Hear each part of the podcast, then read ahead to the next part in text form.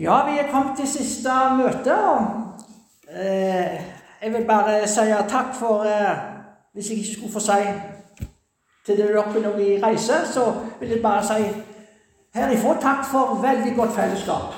Jeg har vært Det har vært rikt for min del òg, personlig, å få, eh, få møte dere igjen og få være sammen. Det har jeg vært veldig takknemlig for. Og Nå skal vi samle oss om det siste møtet og om en viktig, viktig tekst her i formiddag. Eh, det er jo den teksten som er eh, oppsatt på dagen etter den gamle tekstrekke fra Markus eh, kapittel 2. Så vi må bare folde hendene og be at han må velsigne dette ordet. Kjære Herre Jesus, vi kommer enda en gang til deg. Og du sier jo i ditt ord at en rettferdig manns bønn har stor kraft i sin virkning. Og nå bare påkaller vi deg og ditt navn og ber nå Jesus om at uh, hjelpe meg her jeg står. Og disse som skal sitte og lytte, at det kan bli oss til hjelp, og at du virkelig kan få nå oss med ditt ord. Tal du med oss i formiddag. Amen. Markus 2 ifra vers 18 i Jesus sitt navn. Johannes' disipler og fariserene holdt faste, og noen kom og sa til ham Hvorfor faster både Johannes' disipler og fariseernes disipler, men dine disipler faster ikke? Jesus sa til dem Brudesvennene kan vel ikke faste når brudgommen er iblant dem? Så lenge de har brudgommen hos seg, så kan de ikke faste. Men de dager skal komme da brudgommen blir tatt ifra dem, og da skal de faste. På den dag. Ingen syr en lapp av ukrympet tøy på et gammelt klesplagg, for da river den nye lappen med seg mer av den gamle, og riften blir verre. Og ingen fyller ny vin i gamle skinnsekker, for da vil vinen sprenge sekkene. Vin vil spilles, og sekkene ødelegges. Nei, ny vin i nye skinnsekker. Det skjedde at han, en, at han, på en sabbat gikk gjennom kornåkrene. Disiplene begynte da å plukke aks mens de gikk der. Fariserene sa til ham, Se, hvorfor gjør de det som ikke er tillatt på sabbaten? Og han sa til dem, Har dere aldri lest hva David gjorde da han var i nød og sultet, han selv og de som var med ham? Hvorledes han gikk inn i Guds hus da Abadja var ypperste prest og åt skuebrødene, som ingen har lov til å ete av uten prestene, og gav også dem som var med ham. Og han sa til dem, sabbaten ble til for menneskets skyld, og ikke mennesket for sabbatens skyld. Så er da menneskesønnen herre også over sabbaten.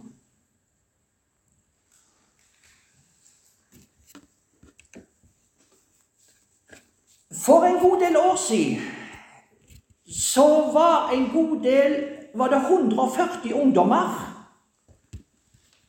på videregående som fikk et spørsmål i en spørreundersøkelse.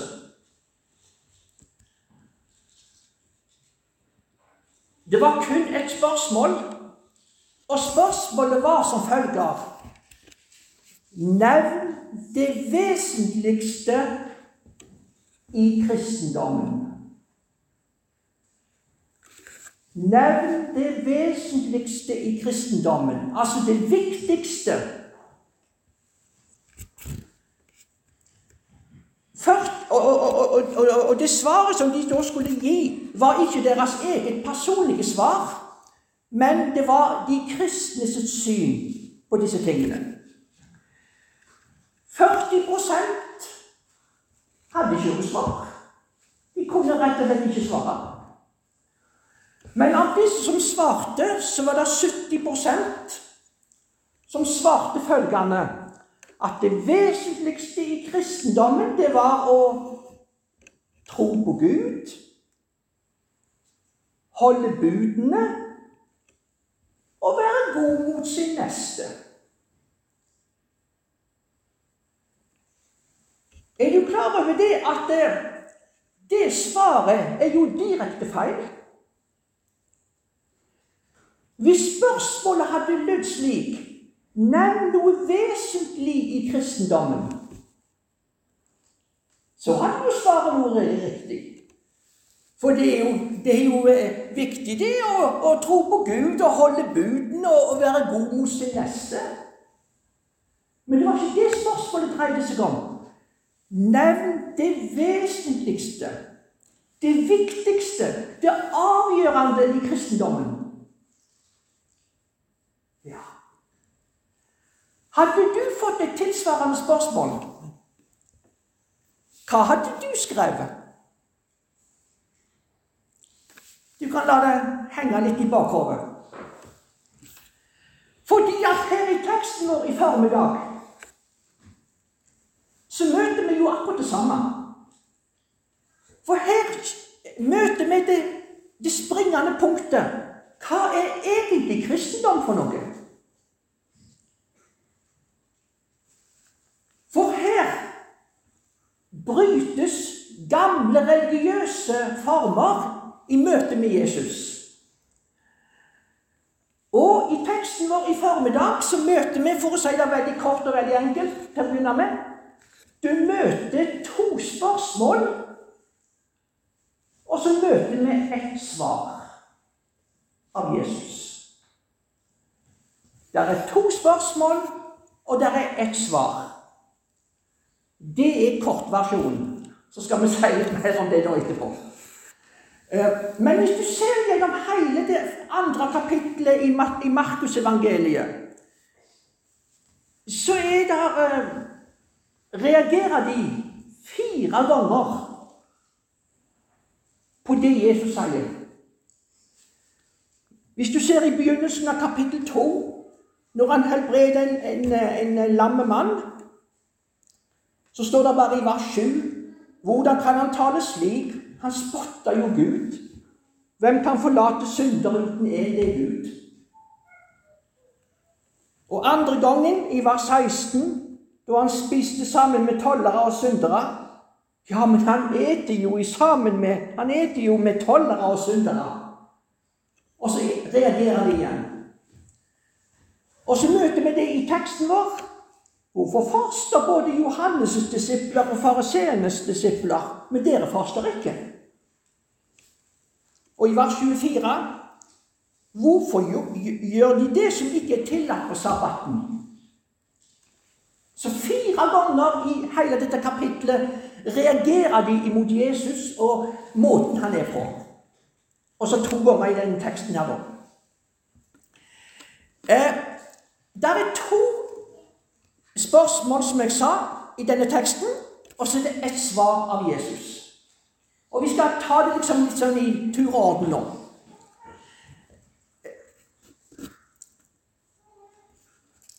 Det første er jo dette med fasten. Hvorfor faster både Johannes' disipler og fariseernes disipler, men dine disipler faster ikke? Eh, vi kan nok tenke oss det at fariserene, fariseerne syns nok at Jesus var veldig, veldig slapp i forhold til sine lovbestemmelser. Ja, du Jesus, du, du tar deg ikke så veldig, veldig nøye, du Jesus. For vi skal huske på det at fariserene de hadde mange, mange, mange bud. Er du klar over hvor mange bud fariserene hadde? De hadde 613 bud. 613 bud. 248 av de var, var, positive, og 365 av de var negative. Så 613 bud. Og jeg bare ser for meg hvordan skal du klare å holde styr på alle de der budene? Og prøve å etterleve dem til punkt og prikke. Du Jesus, du er altfor slapp her. Så var det dette her med fasten, da, som egentlig var det store spørsmålet her i denne teksten. Eh, hvorfor, hvorfor fasta ikke dine disipler? Altså underforstått Jesus. Dine disipler er ikke så fromme som våre. Kan vi nesten få et lite inntrykk av her i teksten. Men før vi sier akkurat litt mer om det Hvis det er noe som kan være litt ukjent med dette med faste Kan vi jo bare si litt kort hva det er.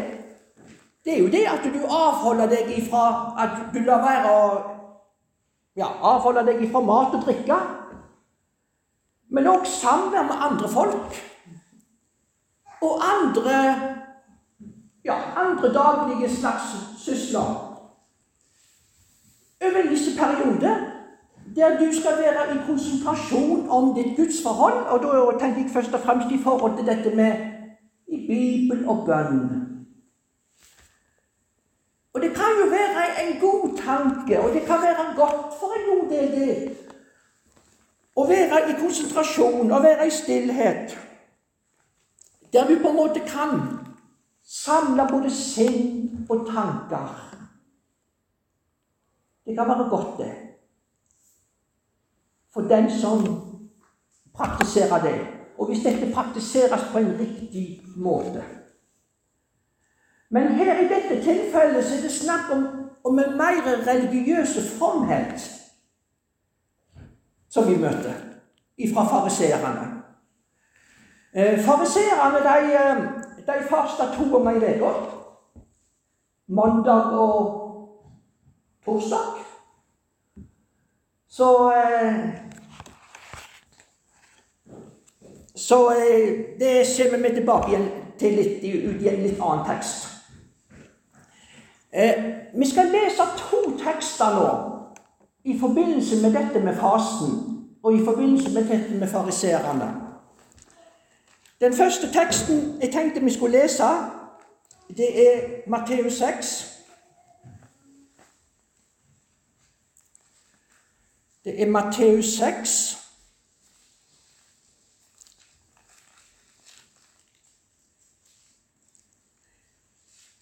Og så står det slik i vers 16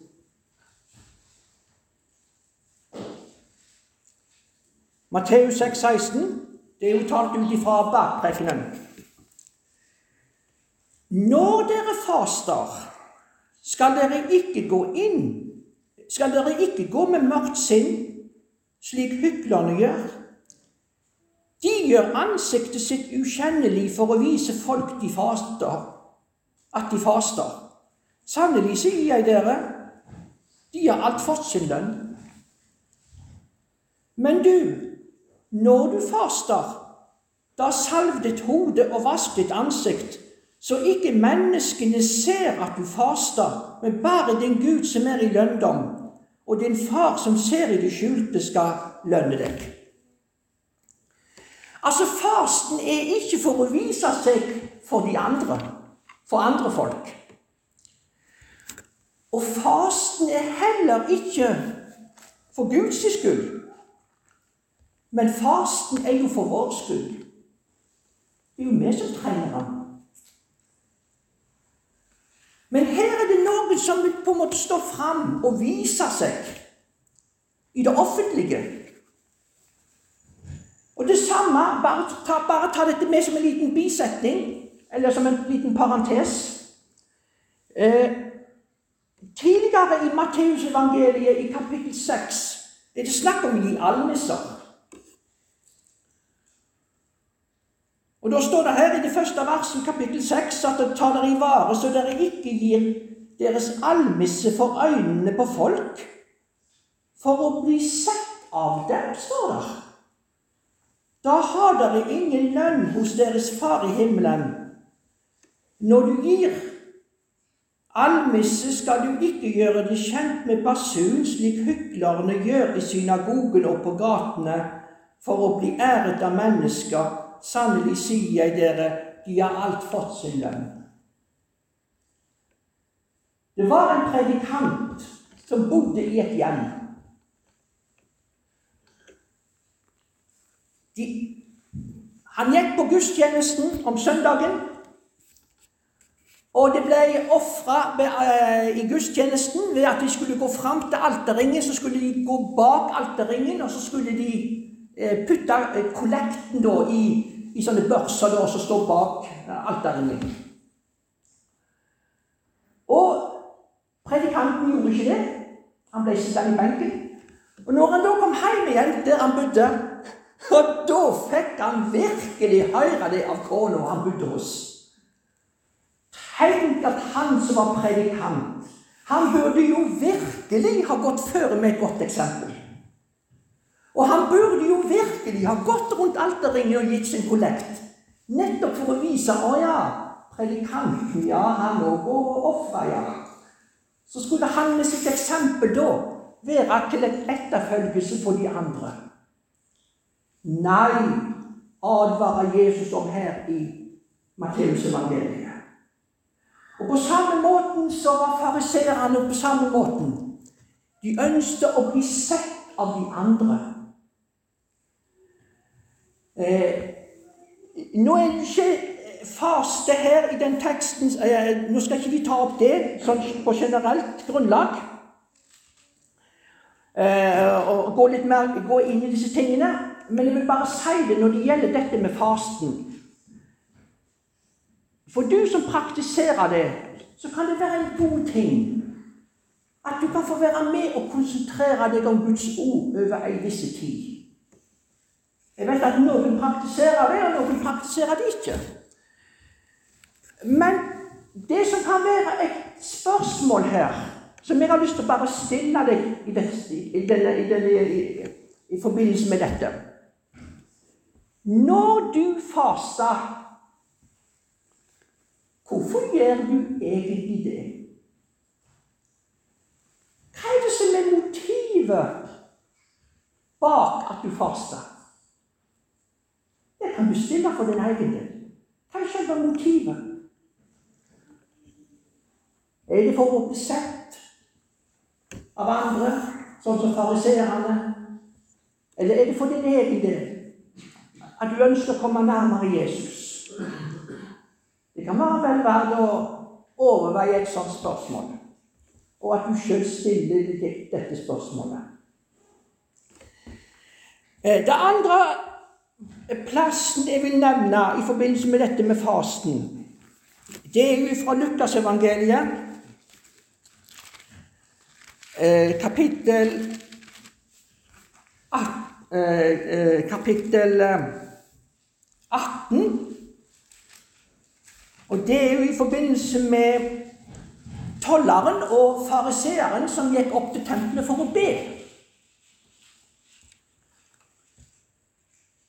Det er jo Lukas 18 fra vers 10. Og fariseeren han sto jo for seg selv og var slik. Ja, jeg takker deg for at jeg ikke er som andre mennesker, røvere og urettferdige, horkarer eller som denne tolleren. du ser at fariseeren stiller seg her i en egen klasse. Og så begynner han å regne opp, da.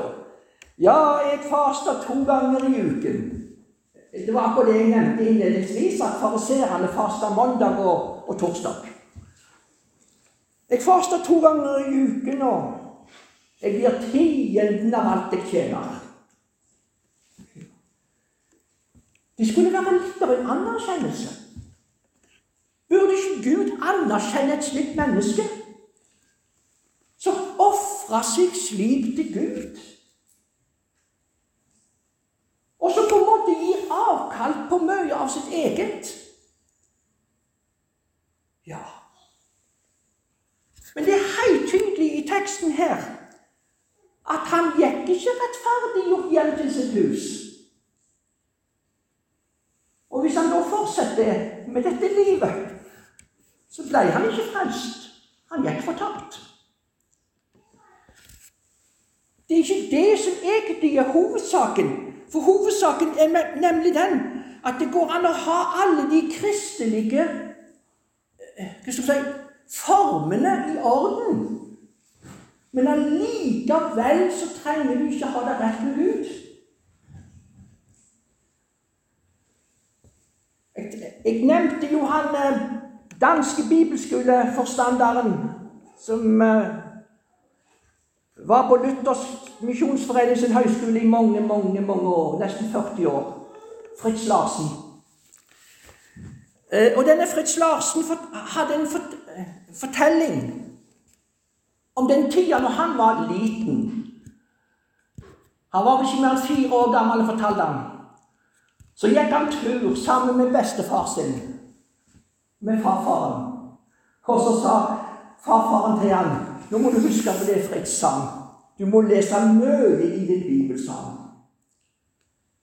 Og dette gjentok han igjen og igjen for Fritz. Husk det, sa han. Du må huske, du må lese mye i din bibel. Og så ble Fritz Larsen eh, omvendt til Gud. Han ble en voksen mann. Og, og så var det en gang han snakket med sin far. Så sier faren til Fritz Det var, det var merkelig, det, sa han. Men jeg satt på dødsleiet hos min far. Altså, Dette var altså bestefaren til Fritz.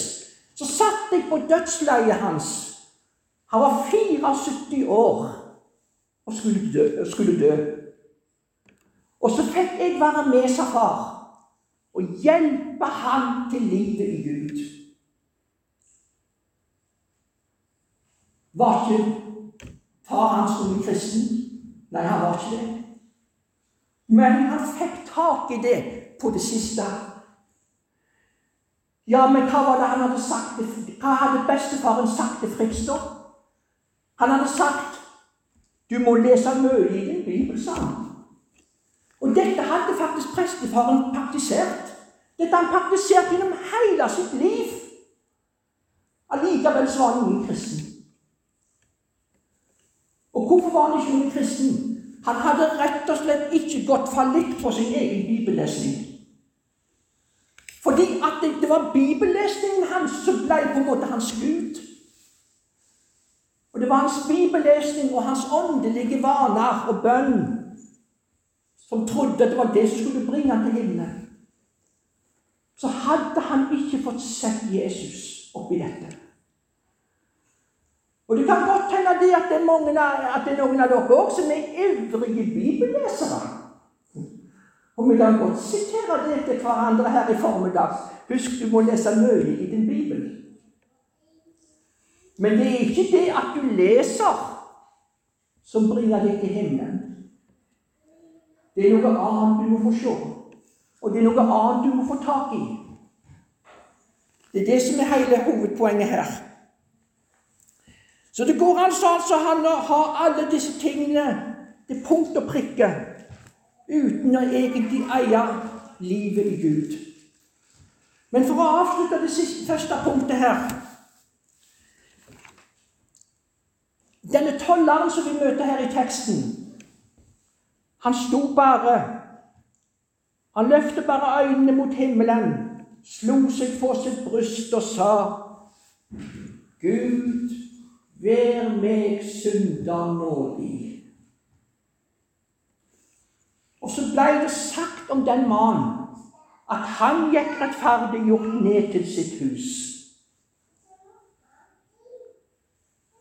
Eh, vi skal ikke gå så grundig inn i dette ordet akkurat nå i formiddag. Men eh, når han sier 'Gud vær meg synda nådig' Men det som ligger i dette ordet, for å si litt kort om det Når han sier 'Gud vær meg synda nådig', så betyr det 'Gud vær meg synda nådig' på grunn, på grunn av det offeret som du, Gud, nå har brakt for meg. Det er det som ligger i det. Gud vær meg synder nådig på forsoningens grunn. Det er det som ligger i dette uttrykket 'nådig' her. Denne mannen hadde bruk for Jesus. han. Det er det som er det vesentligste i kristendommen. Det er Jesus, det er forsoningen. Det er ikke alle de, alle de kristelige formene Nei, han hadde fått tak i en person, og det var det som ble hans redning. Jeg er blitt glad i en sang. Jeg skal sitere den. Eh, det er en sang som heter 'Det skjedde for meg'.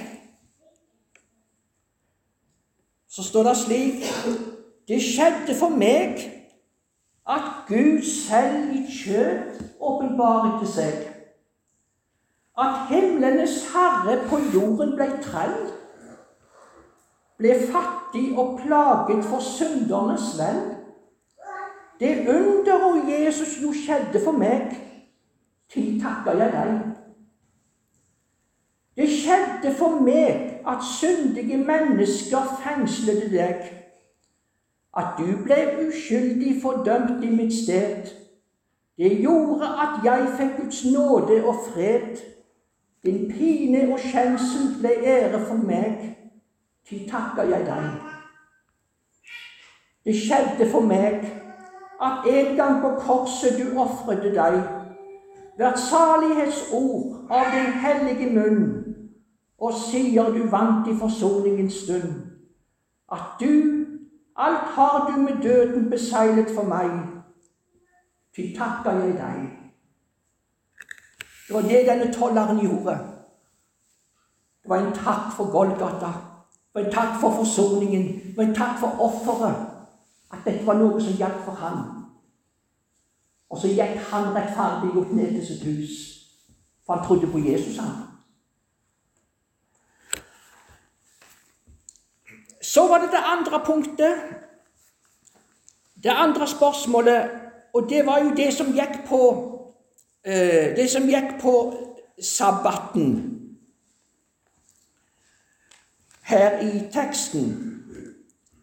Og da eh, Vi leser ikke dette, disse versene opp igjen, men eh, vi har jo teksten, vi har jo lest teksten om det. Eh, hvordan de da eh, reagerer overfor Jesus hvorfor de ikke praktiserer sabbaten. Og på den måten som de da har foreskrevet. Hvorfor gjør de det, står det i vers 24 i teksten. Se, hvorfor gjør de det som ikke er tillatt på sabbaten? Og så møter vi det akkurat det samme igjen. Akkurat det. At eh, en er på en måte opptatt med de ytre rammene, de ytre formene. Ja Det var en familie som skulle på møte. De hadde en ganske, ganske kort vei til bedehuset. Klokka var klokka Ja. Det var rett før de skulle, møtet skulle begynne. De hadde en, som sagt en kort kjøretur inn. Eh, på veien ut til bilen så eh, mister gutten, en liten gutt som er kanskje på ja, Han var kanskje seks-sju år gammel. Så mista han faktisk knappen ut av skjorta. Han, eh, han sprakk. Eh, og så eh, finner mor hans fram sysakene i full fart mens han har skjorta på seg, og begynner å sy litt sånn fort. Det var gjort unna på ett minutt. Og der kommer det er besøk. Og den som da kommer inn, det er mora som kommer inn. Mor hennes. Og da skal jeg si at hun fikk ei kjennepreken. Nei, hva er det du gjør, sa hun til datteren sin. Syr du på en søndag? En prøvde, hun prøvde jo på en enkel måte å forklare at dette var jo fort gjort. og Det var bare et, et, et, et par minutter, og så var det gjort. Og, og de kom seg av gårde på møtet som planlagt. Nei, skulle ikke røre verken nål eller tråd eller noen som helst ting. Men så ser en igjen. Her er det samme som gjentar seg. En er opptatt med de ytre formene. Eh, jeg mener jo at det skal være en forskjell. At de ikke skal arbeide. Det er ikke det det handler om her. Men eh, Vi tenker nok det at eh, om vi bruker ett-to minutter på den knappen, så skulle det være innenfor. Ja. Eh, vi har jo fått noen røde dager i kalenderen vår som heter søndagen. Vi feirer jo den til Jesus' oppstandelsesdag, til minne om den. Og det er på en måte vår fridag som vi skal bruke. Og vi har jo vært gjennom Luther i disse dagene her. Og hva sier Luther i forbindelse med, dette, med, med den, eh, denne søndagen? Jo, vi skal frykte og elske Gud, så vi ikke forsømmer samlingen om Guds ord, sier Luther. Vi skal holde ordet hellig og gjerne hører og lærer det, sier Luther. Søndagen skal være en annerledes dag på den måten at da skal vi høre Guds ord og samles om Ham. Det skal jeg, er det viktig å få legge vekt på. Vi sier ikke akkurat mer om det nå. Eh, nå har vi vært innom to to spørsmål. Og så kommer Jesus med et svar i teksten på disse to spørsmålene. Og det svaret som Jesus gir, er ganske, ganske uforståelig for den vanlige mannen. For det Jesus sier her, som er svaret, det er vers 21 og 22. Ingen syr en lapp av ukrympet tøy på et gammelt klesplagg, for da river den, den nye lappen med seg av det gamle, og riften blir verre. Og ingen fyller nye vin i gamle skinnsekker, for da vil vinen sprenge sekkene. Vinen vil spilles, og sekkene ødelegges. Nei, ny vin i nye skinnsekker. Her er svaret fra Jesus. Og det høres jo umiddelbart ut som at dette er ganske uforståelig tale. Ganske vanskelig å forstå. Men hva er det Jesus egentlig vil fortelle i denne, i denne fortellingen som vi har hatt for oss i formiddag? Det Jesus vil fortelle, det er at nytt og gammelt kan ikke forenes. Nytt og gammelt kan ikke forenes. Eller sagt på en annen måte kristendommen er ikke bare en lapp på noe gammelt. Det er viktig å få sagt. Jesus han er ikke kommet for å lappe noe på oss. Han er ikke det. Han er kommet for å skape noe nytt. Et nytt liv. Det er ikke bare å lappe på noe gammelt. Det går ikke, det.